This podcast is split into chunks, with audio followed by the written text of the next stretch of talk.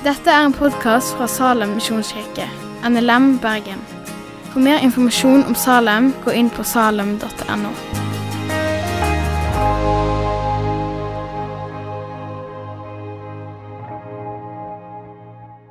Vi skal starte talen eh, med å reise oss. og så skal vi lese ikke søndagens tekst, men to tekster som hører til eh, Ordet og Den hellige ånd som tema.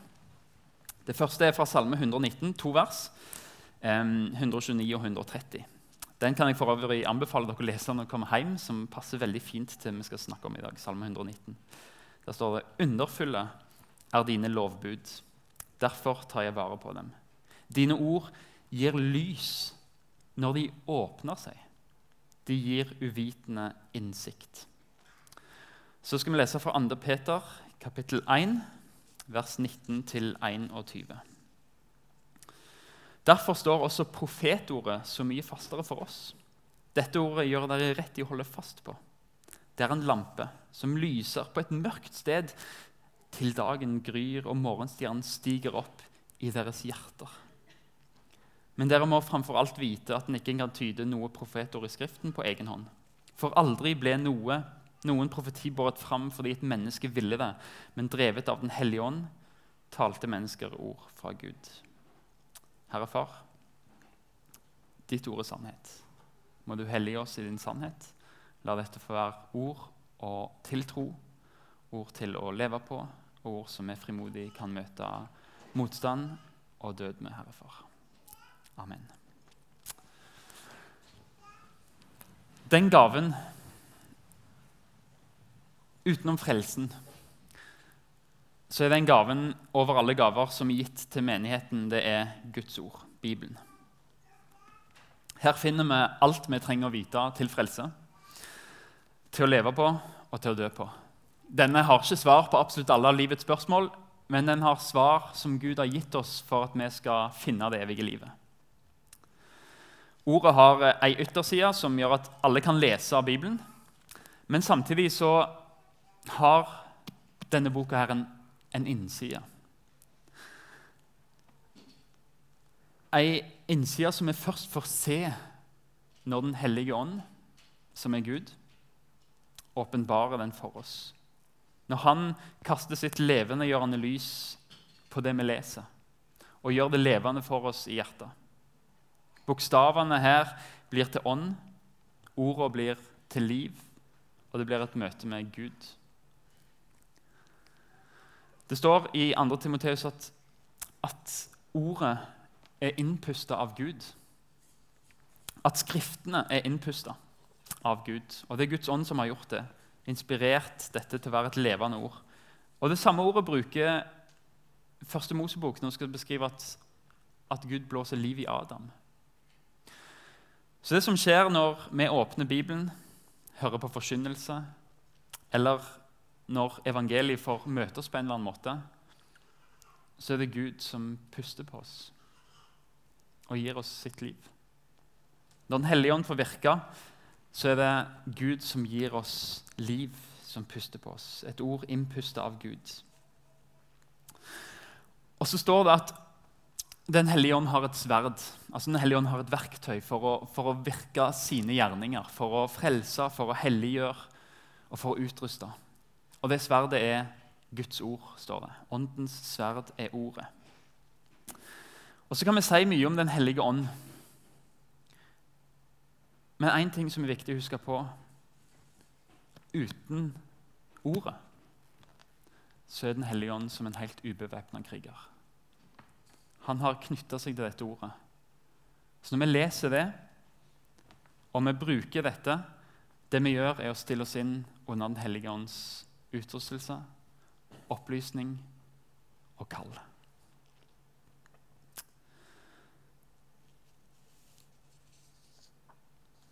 Når vi skal snakke om Den hellige ånd og menigheten, og ordet er tema, altså Bibelen er tema, så er det spesielt tre tema som er viktige å snakke om. Det er ordet, eller bibellesning og forkynnelse. Og det er dåp, og det er nattvær. Vi skal begynne med de to, første, nei, de to siste. Dåp og nattvær. Sakramentene kaller vi det. Fordi evangeliet Det er budskapet fra Bibelen som forteller oss om Guds uendelige kjærlighet og nåde i Jesus. Og som tilbyr, og, tilbyr oss nåde, og som tilsier oss syndenes tilgivelse for Jesus skyld hvis vi tar imot.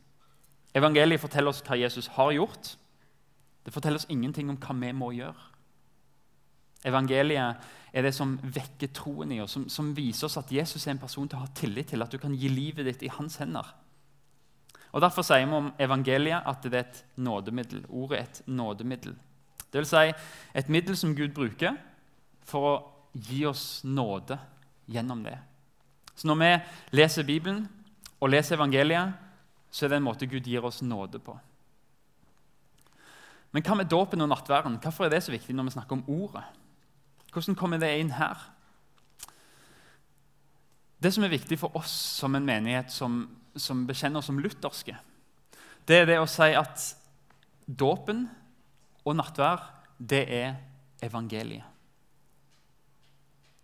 Det er grunnen til at vi ser på dåpen og nattverden også som nådemidler. Som midler som Gud bruker for å gi oss nåde gjennom.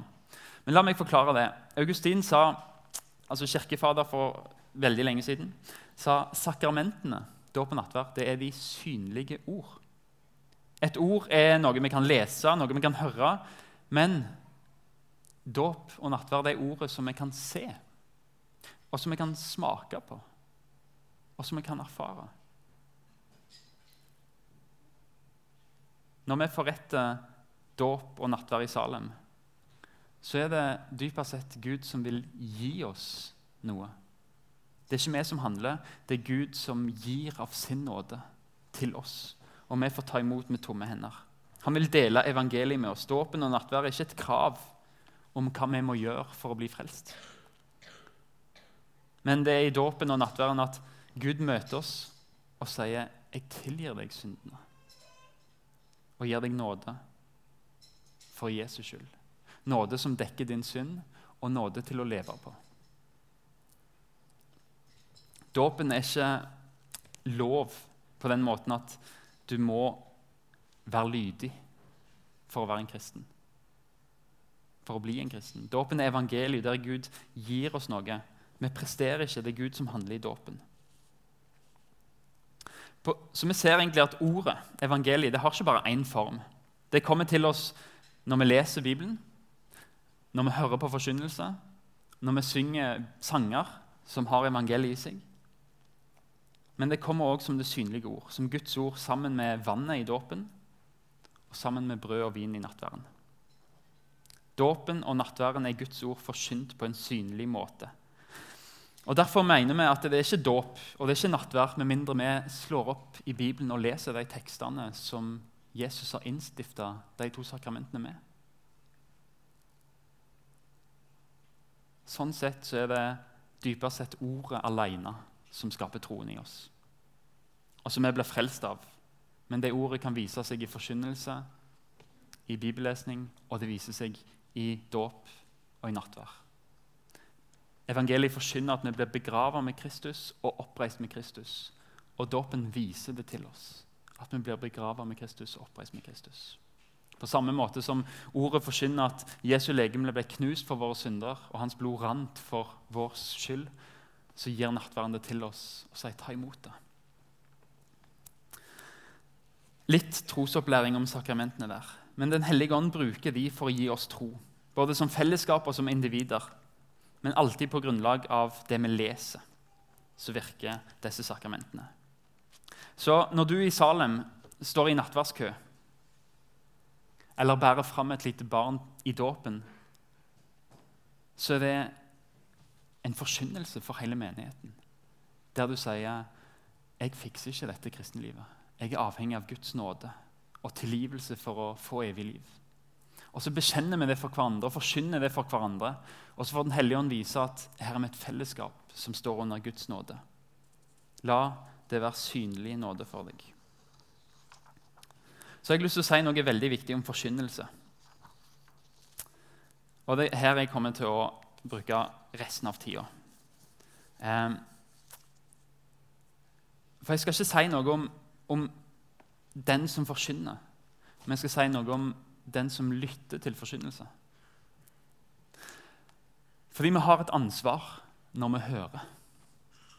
Det er ikke sånn at i en menighet der det forkynnes, er det kun forkynneren som har ansvar. Men du som tilhører, har et ansvar for det du hører. Hva gjør du med det?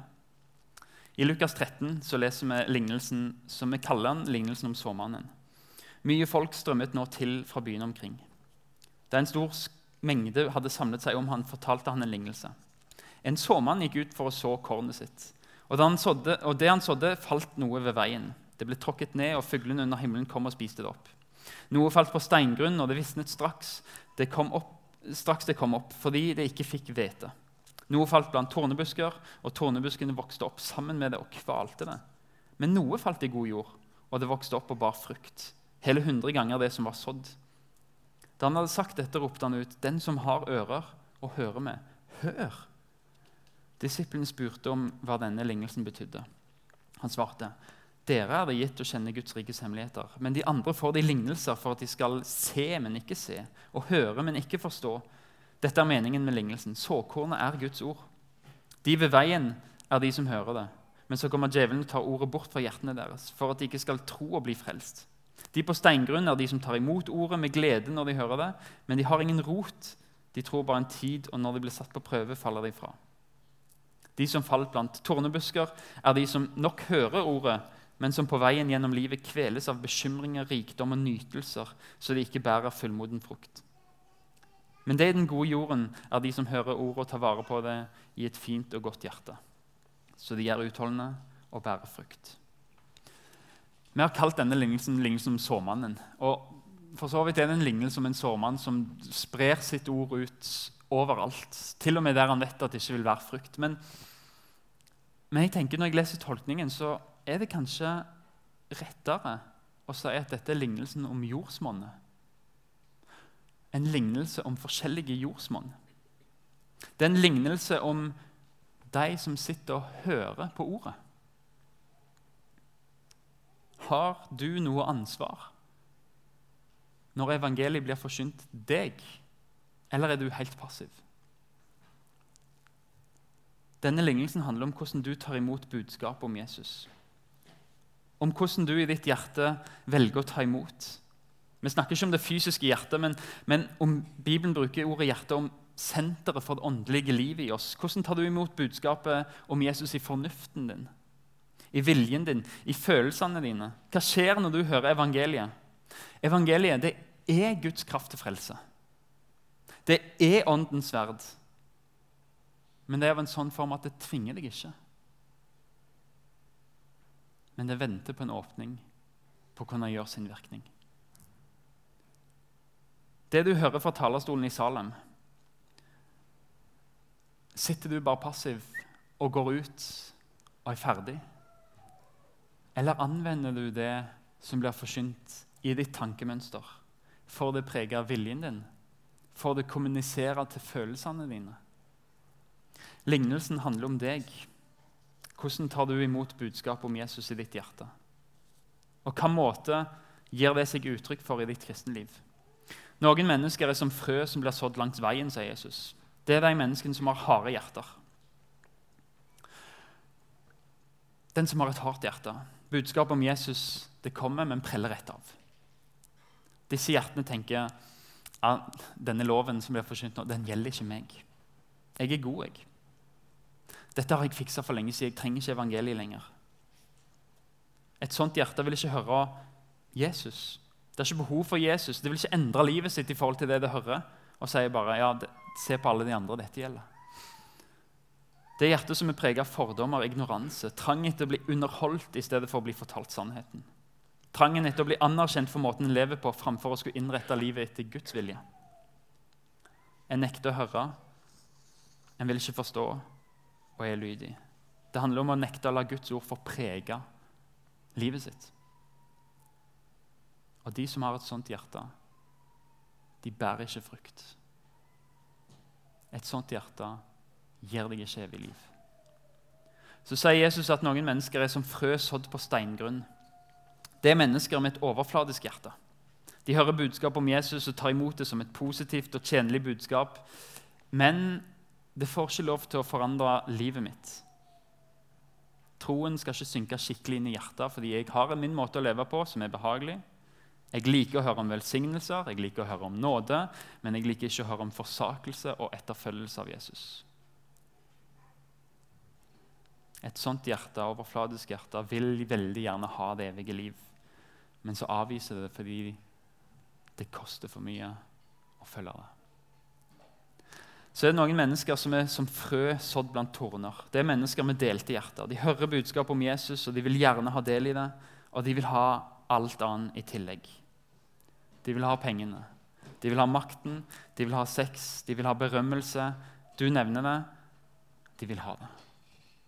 Og Det blir viktigere for dem enn troen, og så blir troen og livet med Gud kvalt. Og De som har et sånt hjerte, de ønsker å kalle seg kristne men de lever det ikke ut. De bekjenner at Jesus er viktigst med sine ord, men med livet sitt så skriker de noe annet. Troen kveles, og frukten uteblir.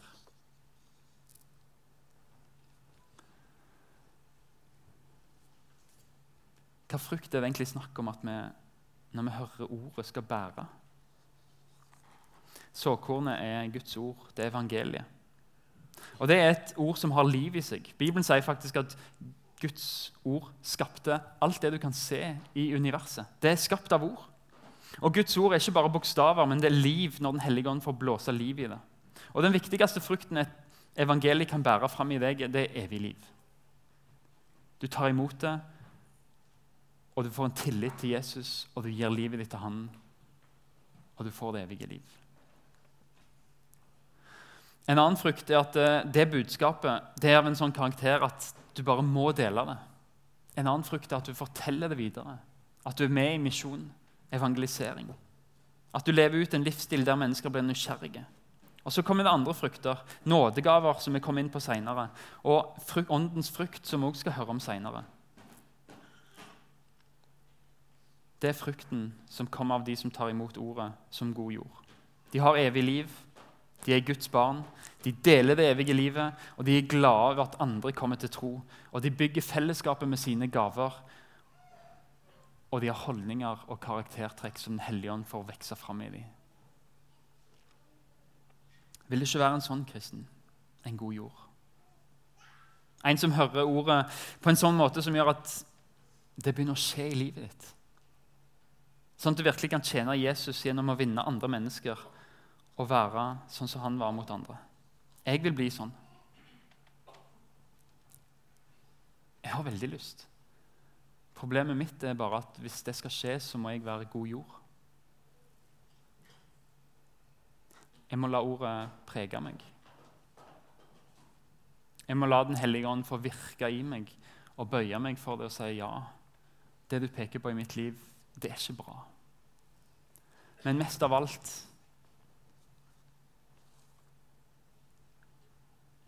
så en god jord når Den hellige ånd får virke i deg. Det er de som tar imot budskapet med et helt hjerte. Den gode jorda det er jorda som Den hellige ånd får forberede, får pløye og får stelle.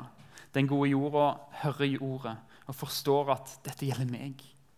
De innser at jeg er en synder, jeg trenger Jesus. Og i takknemlighet til at de får frelsen, så vil de innordne livet sitt sånn som Jesus befaler. De ser ikke viktigheten av å bli underholdt når de kan få sannheten. Og det er viktigere for dem å leve etter Guds vilje enn sine egne følelser og begjær. Den gode jorda innser at det kristne livet er ikke bare velsignelser, det er ikke bare nåde, men også forsakelse. Det er tøffe kamper. Den gode jorda lar ordet få gro sterke røtter, så vi kan holde ut dem. Den gode jord ønsker å sette Jesus fremst i livet sitt. Og innordner livet sitt sånn at penger, berømmelse og makt ikke får ta noe av oppmerksomheten fra Hans nåde. Og så innser de at prisen for å være en kristen på jord er ufattelig liten mot det som de skal få i evigheten. Sånn er mennesker som er god jord. Sånne mennesker vil ta imot evangeliet og gi det en sånn grobunn at det vokser og bærer frukt. Og når jeg leste den lignelsen fra det perspektivet og så at det handler om hvem er det som er bra jordsmonn, så at nettopp da er Den hellige ånd taler inn i livet mitt og sier Kristian, du vil være dette. Hvorfor får du det ikke til?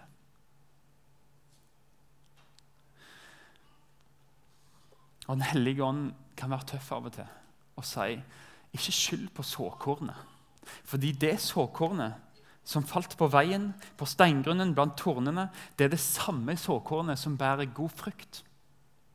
Det er det samme såkornet, Guds ord, som skapte verden. Men hvorfor kan det ikke skape noe i ditt liv? Det er ikke såkornet det står på, Kristian. Men det er hjertet til den som hører. Men hvem kan leve sånn, da? Jeg kjenner deg ikke inn og ut, men hjertet ditt, er det bare god jord? Du kjenner igjen viljen til å leve sånn, men du kjenner òg at kraften til å gjøre det er ikke der. Du gjør det du ikke vil, og du gjør ikke det du vil. Fordi hjertet ditt er delvis trampa ned til vei. Delvis er det steingrunn, og delvis er det fullt av tornekratt som bærer beisk frukt fra din egen vilje. Hvordan skal troen få vokse på et sånt sted?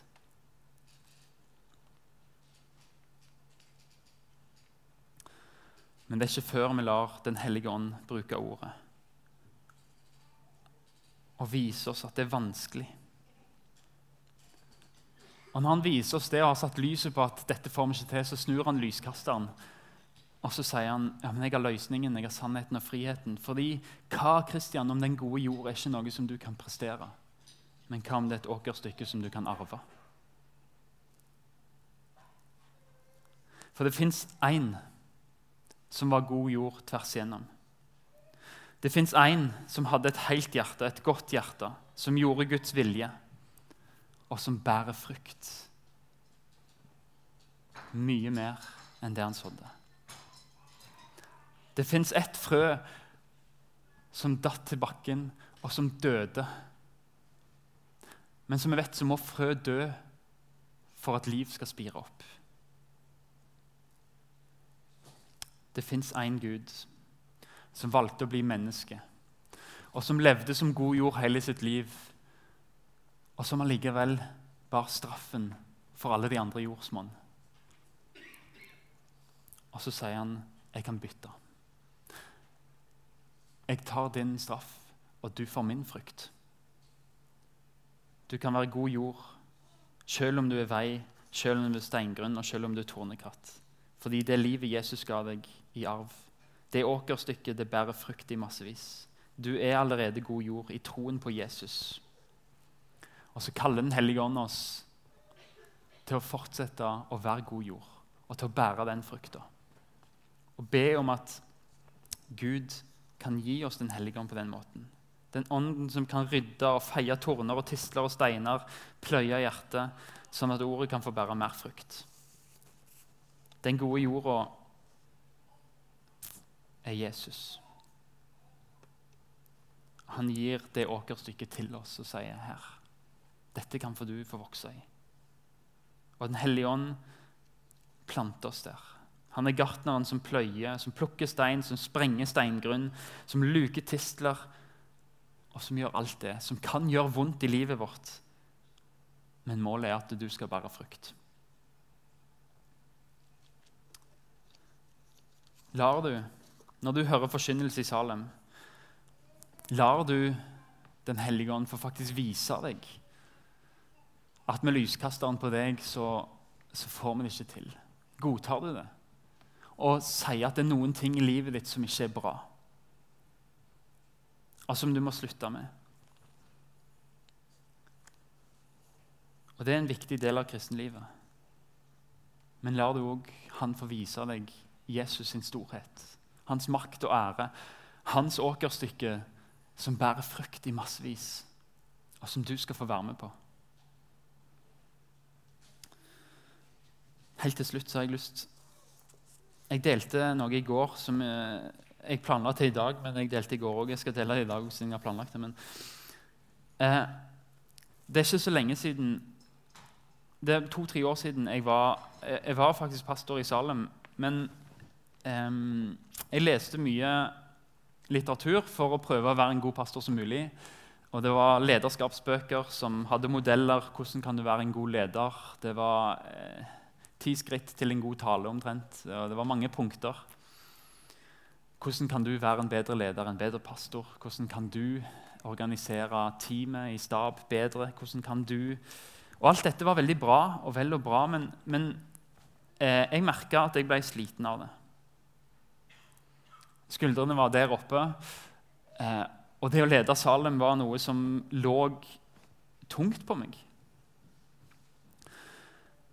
Og så var det Jeg husker ikke hva jeg leste, men, men jeg gjorde en avtale med Gud og sa Gud, det er noe i evangeliet som er større enn det jeg har forstått ennå.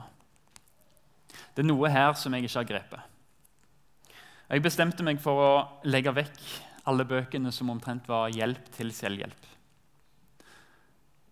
Og jeg sa til meg sjøl jeg vil lese forfattere som jeg vet bretter ut evangeliet. Jeg vil lese mer i Bibelen og kommentarer for å forstå mer av det Gud vil si. Jeg har lest mye og prøvd å sile ut at jeg ønsker å lese noen som bretter ut evangeliet i alle temaer jeg leser. Og Jeg har lest forfattere som Tim Keller, Jared Wilson, Ray Ortlund, Martin Luther og prøvde å finne ut hvor er det jeg kan finne ut mer av dette.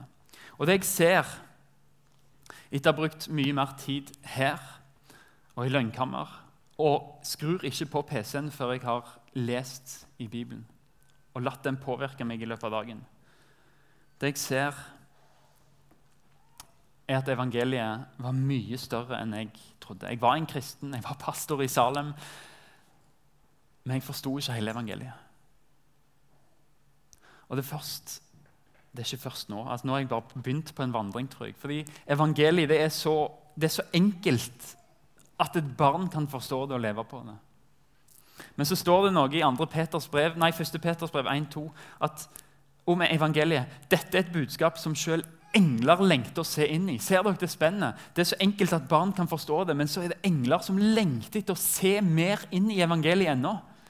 Folkens, vi er så kort på vei.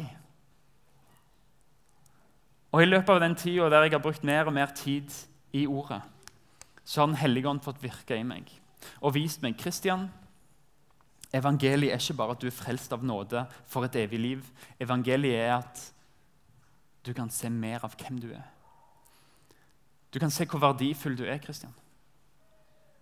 Om Salem krymper til 20 mennesker eller vokser til 500 eller hva som helst, så har det ingenting å si fordi jeg elsker deg akkurat sånn som jeg elsker deg nå. Skuldrene mine kunne senkes. I ekteskapet å tenke at vet du hva, dette har vi nåde til å være i ekteskapet. Gud utruster oss. Evangeliet er større enn bare tro det og leve evig, men evangeliet påvirker alt vi tenker her òg. At vi skal til himmelen, hvordan det påvirker måten vi lever på her. Og Den hellige ånd har fått lov til å vise meg mer av dette. Og hele livet mitt har jeg fått mer senka skuldre og mer trygg identitet.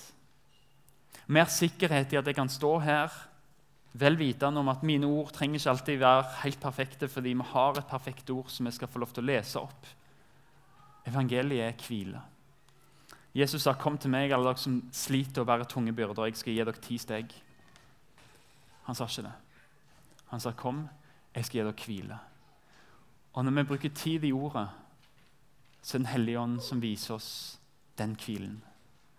Og så viser han oss dette skal du få gå på i den hvilen, og du skal få leve der. Så skal vi lese en del av vår bekjennelse. Helt til slutt skal jeg lese én setning fra vår bekjennelse som står i Luthers lille katekisme, og som gjelder Salem, og som gjelder din heim, som gjelder dine relasjoner. Og Den er en så enkel setning som vi bekjenner, som er, som er vårt trosgrunnlag. Og det står det så enkelt.